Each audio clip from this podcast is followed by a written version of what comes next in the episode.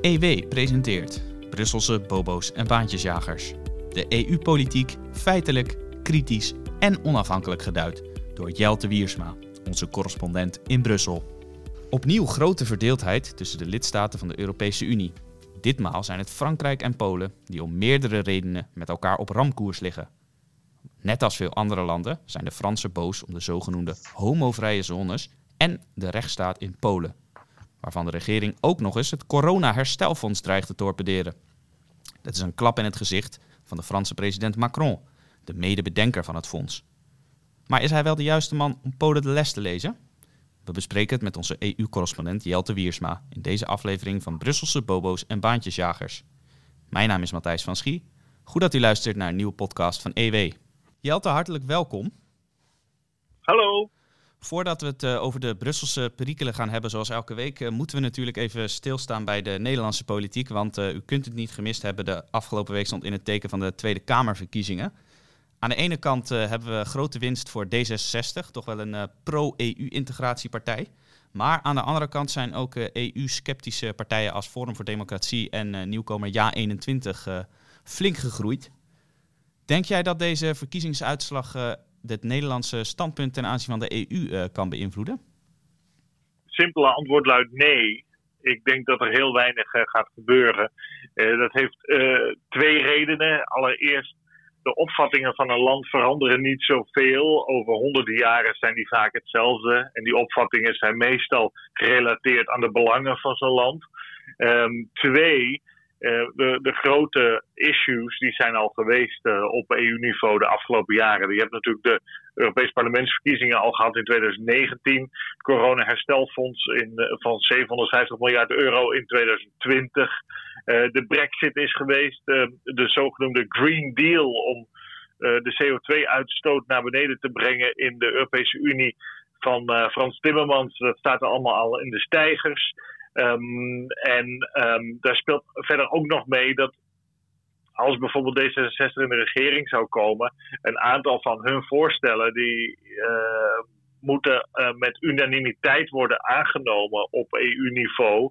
En uh, die unanimiteit zal er nooit komen. En dan gaat het onder meer over een direct gekozen voorzitter van de Europese Commissie. Dat willen zij graag, maar er is geen land verder voor.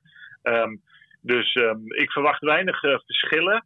Je zal vooral zien dat de ingezette koers, um, die uh, de laatste jaren heel sterk naar voren is gekomen, um, dat um, Nederland wel netto wil bijdragen aan de Europese Unie, ook wel wil bijdragen aan een corona-herstelfonds, maar in ruil daarvoor eist dat landen hervormen, enerzijds, en daarmee bedoel ik vooral liberaliseren en economisch sterker worden en daardoor um, minder transfers op lange termijn uh, nodig zijn. Um, en twee, dat landen um, zich houden aan de rechtsstaat en de democratie, uh, zoals die is afgesproken op EU-niveau voor het EU-lidmaatschap. En dan gaat het natuurlijk vooral over een aantal Oost-Europese landen en dan vooral Polen en Hongarije. Dus, en daar zit D66, VVD en CDA heel erg op één lijn.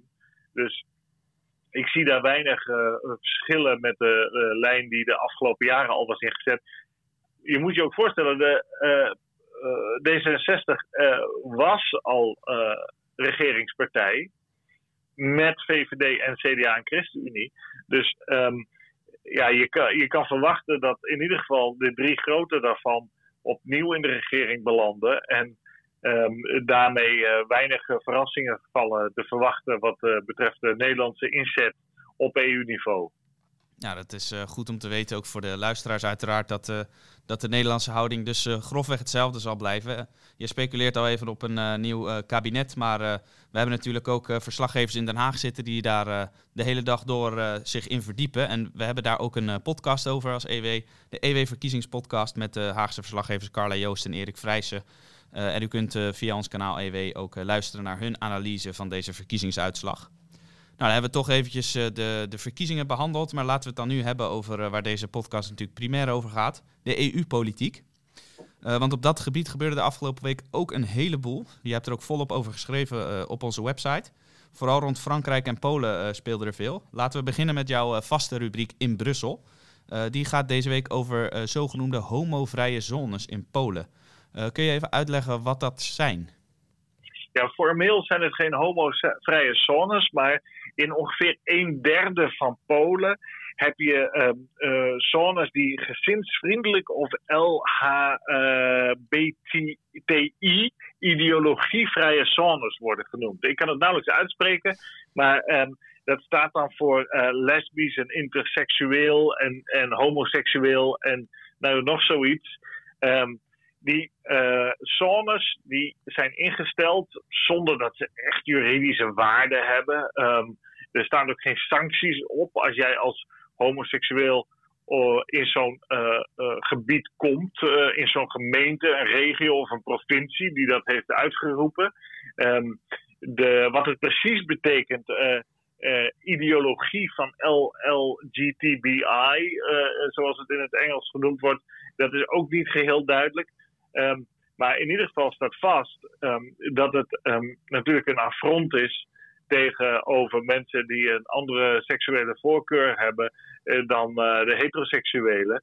Um, uh, burgers in de Europese Unie zijn EU-burgers. Dat is heel, goed, heel belangrijk om te begrijpen. En die zijn vrij om overal te gaan en staan waar zij willen en zichzelf daar te vestigen. En als dit soort zones worden uitgeroepen, ook al hebben ze geen enkele juridische waarde en ook al kun je geen boete krijgen of anderszins, je voelt je natuurlijk um, uh, hoogst on onwelkom als je uh, uh, homoseksueel bent en je woont daar of je wilt daar gaan wonen om wat voor reden dan ook. Ja, nou deze kwestie speelt al een tijdje. Ik kan me herinneren in 2019 was het uh, bijvoorbeeld de Nederlandse Europarlementariër Sofie in het Veld van D66, die hier uh, grote kritiek op uitte. Uh, in jouw rubriek in Brussel heb je uiteraard een actuele aanleiding voor, voor deze kwestie. wat, wat is er nu precies aan de hand dat die zones nu weer in opspraak zijn? Ja, dat is heel interessant. je hebt een, een Franse minister die homoseksueel is van Europese zaken, meneer Clément Boon. En die is al in Polen geweest. En toen werd hem ten stelligste afgeraden door de Poolse regering om naar die zones toe te gaan. Uh, en daar heeft hij toen ook uh, gehoor aan gegeven. Uh, omdat hij zei van, nou ja, het is toch belangrijk om met de Poolse regering van de PiS-partij, de conservatieve recht- en rechtvaardigheidspartij, zoals die heet, in gesprek te blijven. En dan kan je beter maar geen provocaties plaatsen. Uh, maar dat kwam op veel kritiek te staan um, in Frankrijk van mensen uh, die uh, homoseksueel zijn. En nu heeft hij gezegd dat hij uiterlijk voor het einde van dit jaar wel naar zo'n zone in Polen gaat. Nou, dan gaan we zien natuurlijk wat daarvan komt. Um, wat gaat er dan gebeuren als hij daar rondloopt? Dan zal dat ongetwijfeld een, media-evenement worden. Er zullen ongetwijfeld in zijn kielzog journalisten mee gaan cameraploegen en daar beelden van maken hoe hij uh, uh, zal, zal, zeggen van kijk, ik ben homoseksueel en ik loop nu door een homovrije zone, zoals het voor het gemak dan maar wordt uh, genoemd, of een gezinsvriendelijke zone. Um, um, dus ik ben heel benieuwd hoe dat gaat uitpakken. De, Duitse uh, commissievoorzitter Ursula von der Leyen van de CDU, die heeft al aan zes Poolse steden subsidies ingetrokken. omdat die dit soort zones hadden uitgeroepen. En um, ja, Polen krijgt 10 miljard euro zo'n beetje van de Europese Unie netto per jaar. Mede betaald door de Nederlandse belastingbetaler. En dat is toch wel een aardig drukmiddel, zou je zeggen, om te voorkomen dat dit soort zones uh, blijven bestaan. Maar uh, het wordt een aardige kwestie, ook omdat het ehm, laat zien hoezeer de Europese Unielanden geïntegreerd zijn. Hè? Dat je je vrijelijk kunt vestigen, dat er één rechtsorde is in de Europese Unie. Dat is toch heel belangrijk om te weten. Dat, ja, jij en ik zijn EU-burgers. Um, en dat, uh, dat brengt allemaal rechten met zich mee. En dat, dat lijkt toch te botsen nu op uh, wat de Polen, of een aantal Poolse gemeenten, regio's en, provincies uh, uh, hebben vastgesteld, deze homovrije zones. Ja, je zegt net al eventjes, er is niet een heel concrete juridische status toebedeeld aan deze zones. Het is dus vooral een, een diplomatieke rel als inderdaad deze Franse minister daadwerkelijk zal afreizen naar, naar Polen. denk jij dat de Polen uiteindelijk zullen zeggen, nou meneer Boon, dit is allemaal prima, u bent hier van harte welkom. en zo kunt u zien, er is niks met, mis met Polen en met deze zones. Of verwacht jij wel dat het echt tot een groot conflict gaat komen? Ja, ik denk dat ze wel zoiets gaan doen, inderdaad. Uh, maar goed, we gaan het zien hoe het uitpakt. We kennen natuurlijk van vroegere tijd wel uh, uitspraken van gemeenten die ook waardeloos waren in Nederland. Uh, gemeenteraden. Die zeiden dan: wij zijn kern, een kernwapenvrije gemeente. Ja, dat betekende helemaal niks. Want één, één ze gingen er niet over. twee ja, als de nationale regering daar kernwapens wilde plaatsen uh, van uh, de Amerikanen, dan uh, zeker tijdens de Koude Oorlog speelde dat natuurlijk, dan kon dat natuurlijk prima. kon niemand zo tegenhouden. Dus dat zijn van die verklaringen die gemeenten, maar ook het Europees Parlement vaak van die resoluties aanneemt met uitspraken van wij zijn dit of wij zijn dat. Het Europees Parlement heeft in deze ook weer een resolutie aangenomen en gezegd wij zijn tegen die homovrije zones. Dus het is een beetje een, een uh, debat zonder uh, juridische basis. Uh, dat maakt het wel een lastige kwestie. want je kan dan ook nooit helemaal zeggen van ja, u doet iets fout als Poolse gemeente. Want ja, um, u heeft misschien wel een motie aangenomen. Wij zijn gezinsvriendelijke gemeente of zoiets. Ehm, betekenend gezin, een man en een vrouw en kinderen die daaruit voort zijn gekomen. Um, Ehm, maar um, ja, hoe kan je dat dan formeel verklaren vanuit de EU-kant uh, als iets dat niet mag of niet hoort? Um, dat is al heel lastig. Dus ik ben benieuwd hoe deze meneer Clement Bonen daar weer uit gaat komen. In ieder geval is het natuurlijk wel uh, een onsmakelijke manier van opereren. Het is een beetje alsof je zegt van ja, wij zijn een socialistenvrije gemeente. Uh, of wij zijn een een boerenvrije gemeente of wij zijn een hoofddoekjesvrije gemeente of zo. Als de gemeenteraad zo'n motie aan zou nemen, dan zou je toch ook raar te, kijken staan. Want eh, democratie is juist ook rekening houden met de minderheid en niet de absolute macht van de meerderheid. Ehm, in mijn optiek althans. Ja, dat is een opvatting inderdaad die uh, bij EW als een paal boven water staat. Goed dat je dat nog even benadrukt. En uh, wat betreft deze zones in Polen en de, de eventuele ruil met de Franse minister, dat blijven we natuurlijk volgen interessant uh, om te gaan, uh, gaan volgen. Uh, een ander stuk van jouw hand dat afgelopen week op onze website verscheen, dat gaat ook over Polen. Een van de regeringspartijen dreigt het corona-herstelfonds te torpederen. En ja, dat kent natuurlijk sowieso al heel veel opstartproblemen, dat fonds. waarom is die Poolse regeringspartij daartegen? Ja, dat is een heel interessante kwestie, vind ik althans. Je hebt de uh, regeringspartij Verenigd Polen. Dat is een kleine partij, maar die is wel nodig om de PiS-regering. Uh, partij aan de meerderheid te helpen in het parlement. De Shem heet dat dan. het parlement al daar in Polen, in Warschau. Deze ehm, regeringspartij die zegt van ja, dat corona-herstelfonds, dat is een achterdeur naar een collectivisering van schulden op EU-niveau. En wij hebben er geen zin in als Polen dat we straks moeten gaan betalen voor Spanje of zo. Nou, even uitleggen. Uh, het coronaherstelfonds, zoals we weten, is 750 miljard euro groot. Uh, dat uh, wordt ehm, gevuld met leningen die de Europese Commissie uitschrijft op de kapitaalmarkt. En dat is voor het eerst in de geschiedenis van de Europese Unie dat de Europese Commissie geld mag lenen. De garanties daarvoor worden afgegeven door de nationale regeringen. En die moeten stapsgewijs vanaf 2026 die uh, leningen gaan terugbetalen door een extra storting in de EU-pot eh, in Brussel. Nou, um, de Polen die hebben een vrij prudent e financieel-economisch beleid, hoge economische groei, lage werkloosheid zijn daar het gevolg van. En ook een lage of staatsschuld en lage begrotingstekorten. En um, de uh, Polen die hebben eerder al gezegd, ja, wij moeten formeel wel in de euro, maar dat willen we niet. Want dan moeten we net zoals Estland, Letland en Slovenië tijdens bijvoorbeeld de, de, de eurocrisis betalen voor Griekenland. Een land dat rijker is dan wij per hoofd van de bevolking. Dus daar hebben we geen zin in. en deze Verenigd Polen-partij die zegt nu van ja, dat, dat is voor ons een principieel punt. Daar hebben wij geen zin in. Want uh, dit is dus een achterdeur uiteindelijk naar uh, vergemeenschappelijking van schulden.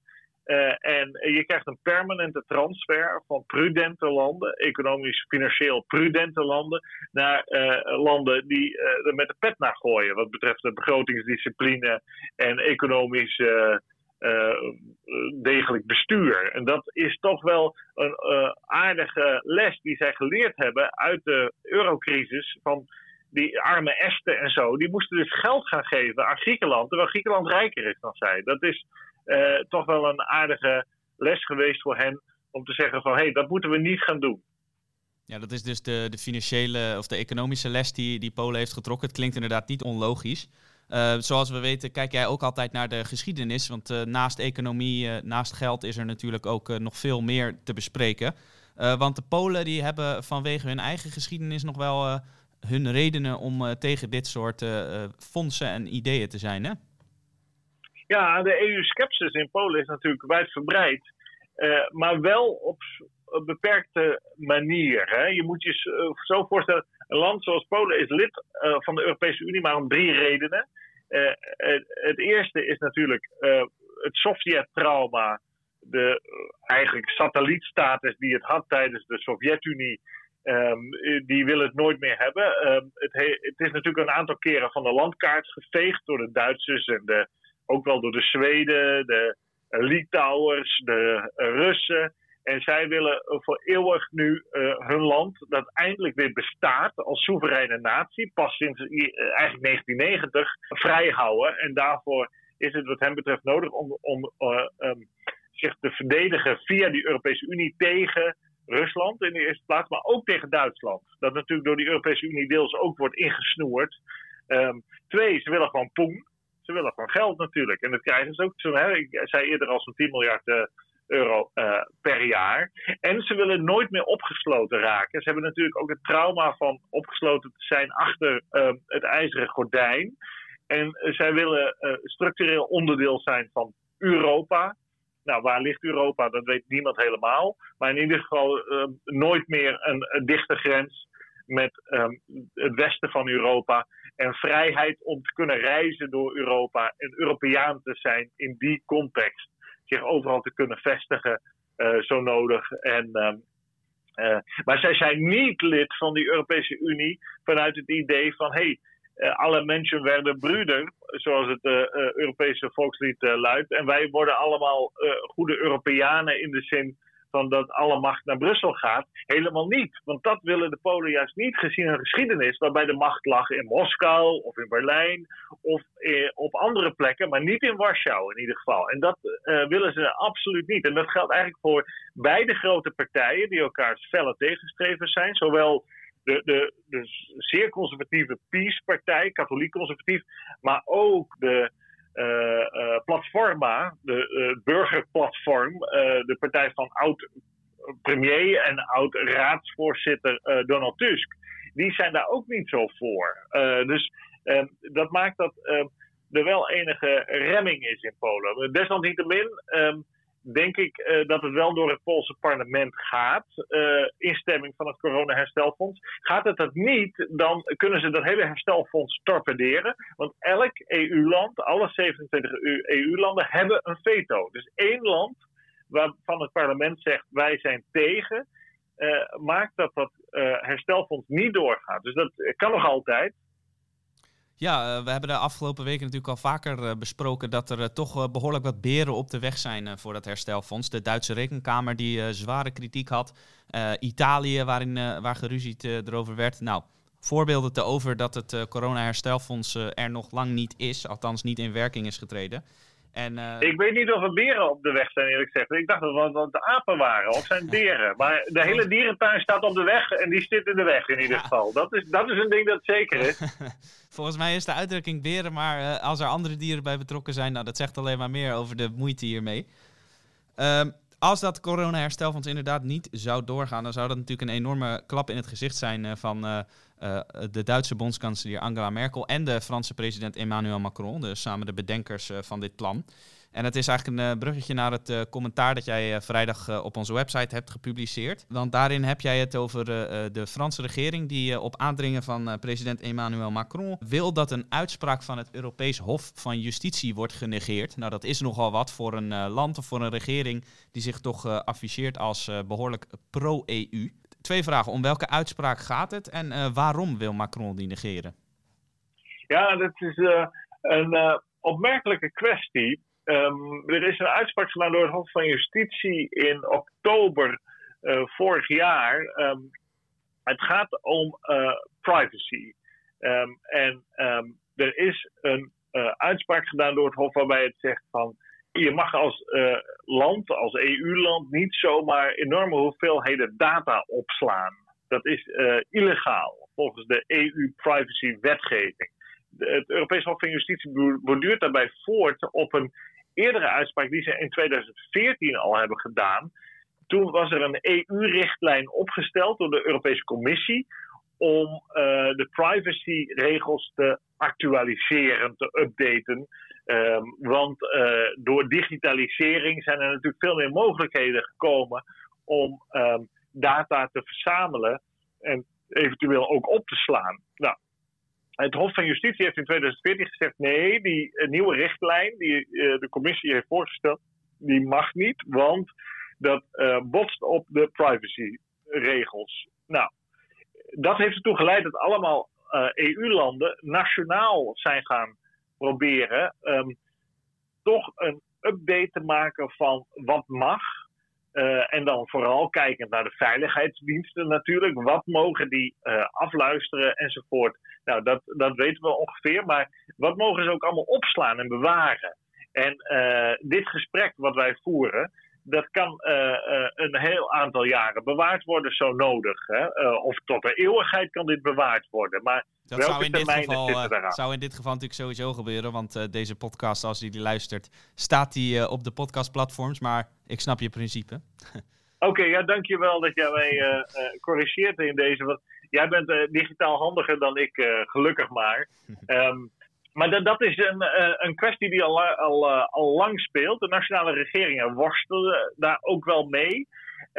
nu heeft ehm, de Franse regering van de president Emmanuel Macron tegen hun hoogste bestuursrechter.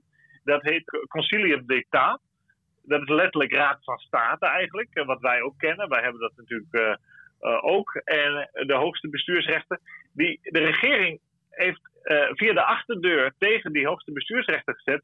Jullie moeten die uitspraken van het Hof van Justitie negeren. Want er is een, een zwaarder wegend belang. En dat is het grondwettelijk belang van Frankrijk. Daar hebben zij een speciale wet over aangenomen in 2006. En voor ons veiligheidsbelang uh, is het uh, zo belangrijk dat wij allemaal data kunnen opslaan. en dan moet je dat ook zien in het licht van alle aanslagen door islamieten die we natuurlijk de afgelopen jaren hebben gezien in Frankrijk. Dat nou ja, middelvinger omhoog naar het Europees Hof van Justitie. Trek je er niks van aan. Ja, en dat opent natuurlijk wel allemaal vragen over deze praktijken van de Franse regering. Ja, je noemt inderdaad aan het eind die, die aanslagen. En uh, als ik dat zo uh, hoor, dan denk ik, nou, het is vanuit Macrons oogpunt goed te begrijpen dat hij data uh, wil verzamelen van, van potentiële terroristen en de mensen die hen steunen. dat hij daarmee ook het Europese Hof inderdaad een, een middelvinger in het gezicht steekt, dat is natuurlijk weer een heel andere kwestie. En jij zegt daar ook over, die legt eigenlijk drie interessante punten bloot, deze houding van Macron. Kun je die drie punten even langslopen? Ja, kijk, het eerste natuurlijk is hoe ver reikt de macht van het Europees Hof van Justitie. Hè? De Europese Unie, zoals gezegd, is een rechtsorde waarin het Hof van Justitie op een heel aantal gebieden de hoogste rechter is. En dat Hof dat heeft uh, soms de neiging om wel heel ruim te interpreteren wat het mag, uh, waarover het recht kan spreken. En uh, daarmee is het altijd een motor geweest achter de EU-integratie. Het heeft veel verregaandere integrationistische uitspraken gedaan dan de regeringsleiders eigenlijk in de EU-verdragen uh, aan, aanvankelijk wilden. En um, daarmee is het Hof wel eens wat uit de bocht gevlogen, wat mij betreft. Ja, maar Macron, Macron die beroept zich natuurlijk op de binnenlandse veiligheid. En uh, daar is de Franse regering natuurlijk primair voor verantwoordelijk. Zo kun je dat zien. Ja, nou zo is het ook. Het Hof van Justitie gaat daar niet over. Maar het Hof van Justitie gaat wel, want daar gaat de Europese Unie over, over privacy. En die twee dingen botsen dus met elkaar, want die zitten natuurlijk in elkaars vaarwater. Die hebben met elkaar te maken. Nou, Frankrijk zegt nee, Macron zegt nee. Dit is voor ons nationale veiligheid. Daar heeft het Hof van Justitie niks mee te maken. En um, ja, daarmee um, uh, daagt hij eigenlijk het Hof van Justitie uit. En zegt hij: jullie moeten terug in je hok. Want uh, jullie uh, gaan buiten je boekje. En um, daar hebben wij geen zin in. Want wij hebben een veiligheidsbelang. En dat is zo belangrijk. wij trekken ons niks van jullie aan. Nou, dat leidt tot automatisch het tweede punt natuurlijk. Dat um, je moet je voorstellen, voor grote landen gelden internationale regels en de uitspraken van internationale rechtbanken formeel wel, maar in de praktijk lang niet altijd. Grote landen hebben nou één keer één groot voordeel, dat ze groot zijn. En wie groot is, heeft macht, zeker als je economisch ook sterk bent. En dan kan je simpelweg zeggen, we leggen het naast ons neer. En uh, dan kunnen andere landen zoals Nederland wel bijvoorbeeld gaan protesteren daartegen. En zeggen, ja maar Frankrijk, we zitten in een EU-rechtsorde, dat kunt u helemaal niet doen. En dan zegt Frankrijk, oké, maar wat gaat u dan doen als Nederland? Gaat u dan sancties tegen mij eh, ons instellen of zo? Gaat u ons binnenvallen? Nou, dat kan Nederland natuurlijk helemaal niet. Dus uh, grote landen komen hiermee weg. We hebben dat natuurlijk ook gezien met de euroregels. In 2003 zei de Duitse bondskanselier Gerhard Schröder, SPD en de Franse president uh, Jacques Chirac, UMP, samen. Nou, die euroregels die hebben we wel afgesproken, maar die komen ons even niet uit. Toedeledoki uh, tegen de rest van de eurolanden. Uh, we gooien die euroregels in de sloot. Nou, Nederland was woest. Uh, Gerrit Salm, die, die, die verslikte zich bijna in zijn whisky en zijn sigaretten. Maar ja, wat, wat verwacht je van grote landen? Die kunnen dat doen. Dat is het voordeel van het zijn van burger van een groter land. Ja, en uh, jij legt in jouw uh, commentaar eigenlijk ook indirect een link met uh, bijvoorbeeld Polen, waar we het net over hebben gehad, maar ook Hongarije. Want dat zijn landen die op bepaalde punten ook tegen het Europese Hof van Justitie zijn ingegaan. En zij konden dat niet zo makkelijk doen, hè? Nee, dat is mijn derde punt. hypocrisie. Ehm, je hebt een aantal landen, waaronder Nederland, maar ook Frankrijk, en dat is veel belangrijker natuurlijk, die zeggen, ja, in Polen en Hongarije wordt de uh, rechtelijke macht gepolitiseerd. Nou, dat is ook zo. Dat kan je gewoon feitelijk vaststellen. Maar je ziet nu een aantal dingen gebeuren in Frankrijk. Eén, dat de regering dus eigenlijk um, ja, een advies geeft, een dwingend advies aan een rechtsprekend lichaam, de Raad van State. Dat is uh, toch buiten alle proporties. Als je het over hebt over de scheiding van machten die hoort bij een fatsoenlijke democratie. Daarnaast heb je natuurlijk uh, de zaak dat inderdaad Polen en Hongarije voordat zelfs de Europees Hof van Justitie zijn gedaagd en ook deels veroordeeld al in een aantal zaken, omdat zij uh, die uh, rechtsstaat, die onafhankelijke rechtspraak, niet huldigen zoals zou moeten. Ja, als Frankrijk dat niet doet, waarom zouden Polen en Hongarije dat dan wel moeten doen? Dus of er wordt nu een zaak begonnen tegen Frankrijk, uh, maar dat gaat natuurlijk niet gebeuren. Omdat Frankrijk Frankrijk is. En, en ja, zoals Charles de Gaulle al zei, de beroemde Franse oud-president en generaal. Europa, dat is Duitsland en Frankrijk en de rest is Franje. Zo is het ook. Um, dus dat um, maakt dat het hypocriet is. Uh, wat Frankrijk doet. Maar goed, macht is altijd hypocriet. Dat is gewoon opportunistische belangen van jezelf najagen. En dat is wat we hier zien. Ja, en voor Nederland is dit wel lastig hoor. Uh, want Nederland, zoals eerder al gezegd in deze podcast, is heel erg een land van um, internationale regels. Om te voorkomen dat de grote landen zomaar hun macht uitspelen en de kleintjes een duil geven. Maar um, ondanks dat die regels er zijn en op EU-niveau heel dwingend die regels bestaan, uh, zie je dat grotere landen daar toch ehm, ja, met een, een loopje af en toe meenemen. Ehm, wat ik wel vind overigens, is dat Macron wel een goed punt heeft. Dat hij zegt van ja, dat Hof van Justitie in Luxemburg, dat gaat een beetje zijn boekje te buiten. Want dat is wel waar, hè? wat ik eerder al zei. Het Hof van Justitie heeft uh, een heel aantal uitspraken gedaan. waar werkelijk geen enkele juridische basis voor was. Um, maar um, daar uh, breekt het zich dat het Hof, het Hof van Justitie niet onder controle staat. Er is geen tegenmacht bij het Hof van Justitie. Je moet je voorstellen, in uh, de Verenigde Staten heb je dat wel. Daar heb je natuurlijk het constitutionele Hof, het grondwettelijk Hof in de Verenigde Staten. Maar de rechters in dat Hof worden aangesteld uiteindelijk uh, na voordraging door de president en goedkeuring door de Senaat. En dat bestaat in de Europese Unie niet. Dus er is geen politieke check, laten we het zo zeggen, of een politieke balans tegenover dat Hof van Justitie. Dat kan helemaal vrijelijk opereren. En uh, ja, die uitspraken, als die er zijn, dan is er geen drukmiddel, dwangmiddel, dat ze weten van ja, maar we kunnen niet zomaar gaan freewheelen, wat ze af en toe toch doen, en op basis van ja, suggesties die wij denken te lezen in verdragsrechtelijke teksten, uitspraken te gaan doen, dan is er geen sanctie of mogelijke sanctie op lange termijn dat bijvoorbeeld een parlement, laten we zeggen een nationale parlementen gaan zeggen van, nou ja, wij gaan uiteindelijk, als die rechters um, met pensioen gaan, gaan wij iemand daar neerzetten die een wat andere opvatting heeft, een wat engere opvatting van het EU-recht.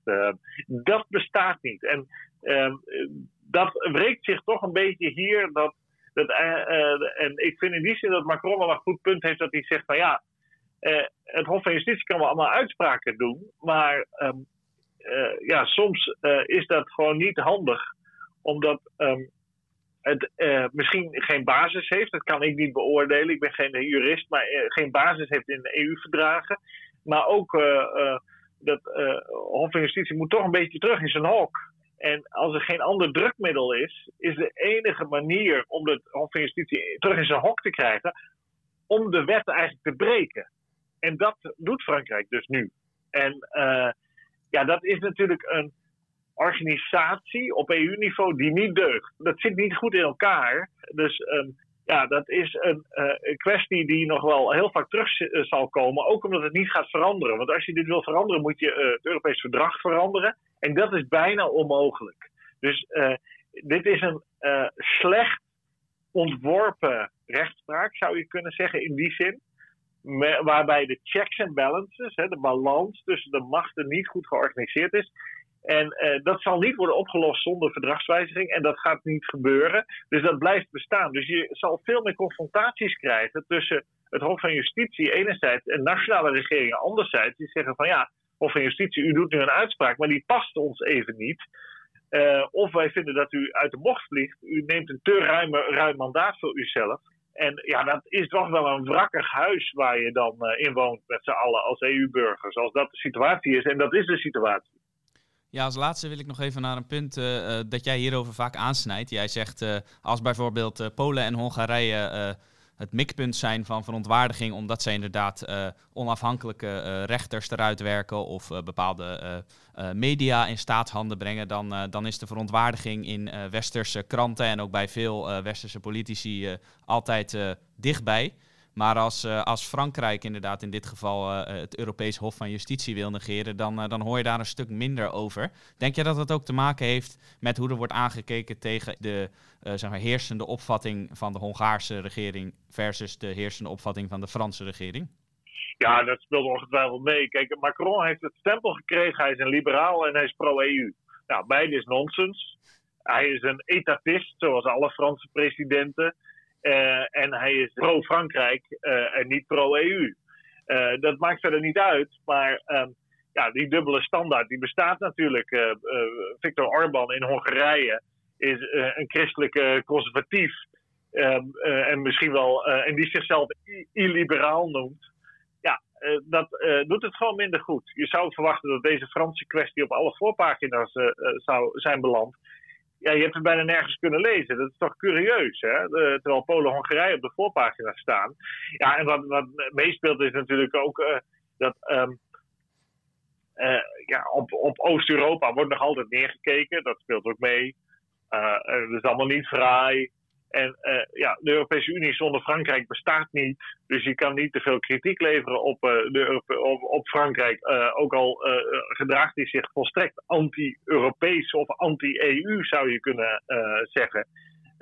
want ja, de, de EU-enthousiastelingen weten ook wel dat Frankrijk altijd een van de twee kernlanden is van, van die EU. Dus, maar ja, hypocriet is het. Ik heb er telkens voor gewaarschuwd vanaf dag één toen uh, er zoveel verontwaardiging was over Polen en Hongarije, want dat speelt nu al, meer dan twee jaar, heb ik elke keer gezegd en geschreven: pas nou op, want als je Polen en Hongarije de maat gaat nemen, hoe terecht misschien ook hoor, daar niet van, dan moet je ook naar jezelf kijken. En uh, ja, onze landen, zeg ik dan als ik over het Westen praat, maar ook Nederland, Duitsland, Frankrijk, België, zijn ook niet zuiver op de graad op al die kwesties. Dus uh, ja, je kan niet uh, anderen de les leven, lezen als je je eigen huis niet op orde hebt. Dan word je beticht terecht van hypocrisie. En dan uh, sta je met lege handen, dan, ja, dan sta je met je mond vol tanden. Je maakt jezelf een beetje belachelijk als je dat doet, wat mij betreft. Dus je moet heel voorzichtig zijn daarmee. morele standaarden hoog houden is goed. Maar dan moet je dat ook voorleven. Ja, en uh, als, uh, als Nederland dat niet doet en Frankrijk niet en Duitsland niet en België niet enzovoort. Ja, welk moreel gezag heb je dan? Ze lachen je uit in Polen en Hongarije. we zijn er heel goed in om, om te wijzen op die hypocrisie en zeggen van ja, maar jullie, jullie houden twee standaarden aan en jullie behandelen ons als tweederangs burgers. En ja, dat is wel pijnlijk hoor. en een beetje misselijk om zo te opereren wat mij betreft. Nou, glasheldere conclusie. En zo vat je eigenlijk even in een paar minuten uh, samen waarom u vooral naar deze podcast moet blijven luisteren. Deze Franse kwestie vindt u nergens inderdaad op de voorpagina's in de Nederlandse kranten. Wel in de podcast uh, Brusselse Bobo's en Baantjesjagers van EW. Dus uh, blijf vooral luisteren. En blijf lezen op onze website natuurlijk, ewmagazine.nl. Daar leest u het laatste nieuws, achtergronden en opinies. Bijvoorbeeld van Jelte Wiersma over de EU, maar over nog veel meer onderwerpen. We zijn uh, weer aan het einde gekomen van de podcast voor vandaag. Hartelijk dank, Jelte. Graag gedaan. Al onze luisteraars uh, het beste gewenst. Graag tot de volgende keer. Hartelijk dank voor het luisteren naar de podcast van EW. Wilt u niets missen? Abonneer u dan in uw favoriete podcast-app, bijvoorbeeld Spotify of iTunes, door te zoeken op EW. U kunt ook luisteren op onze site via ewmagazine.nl/podcast.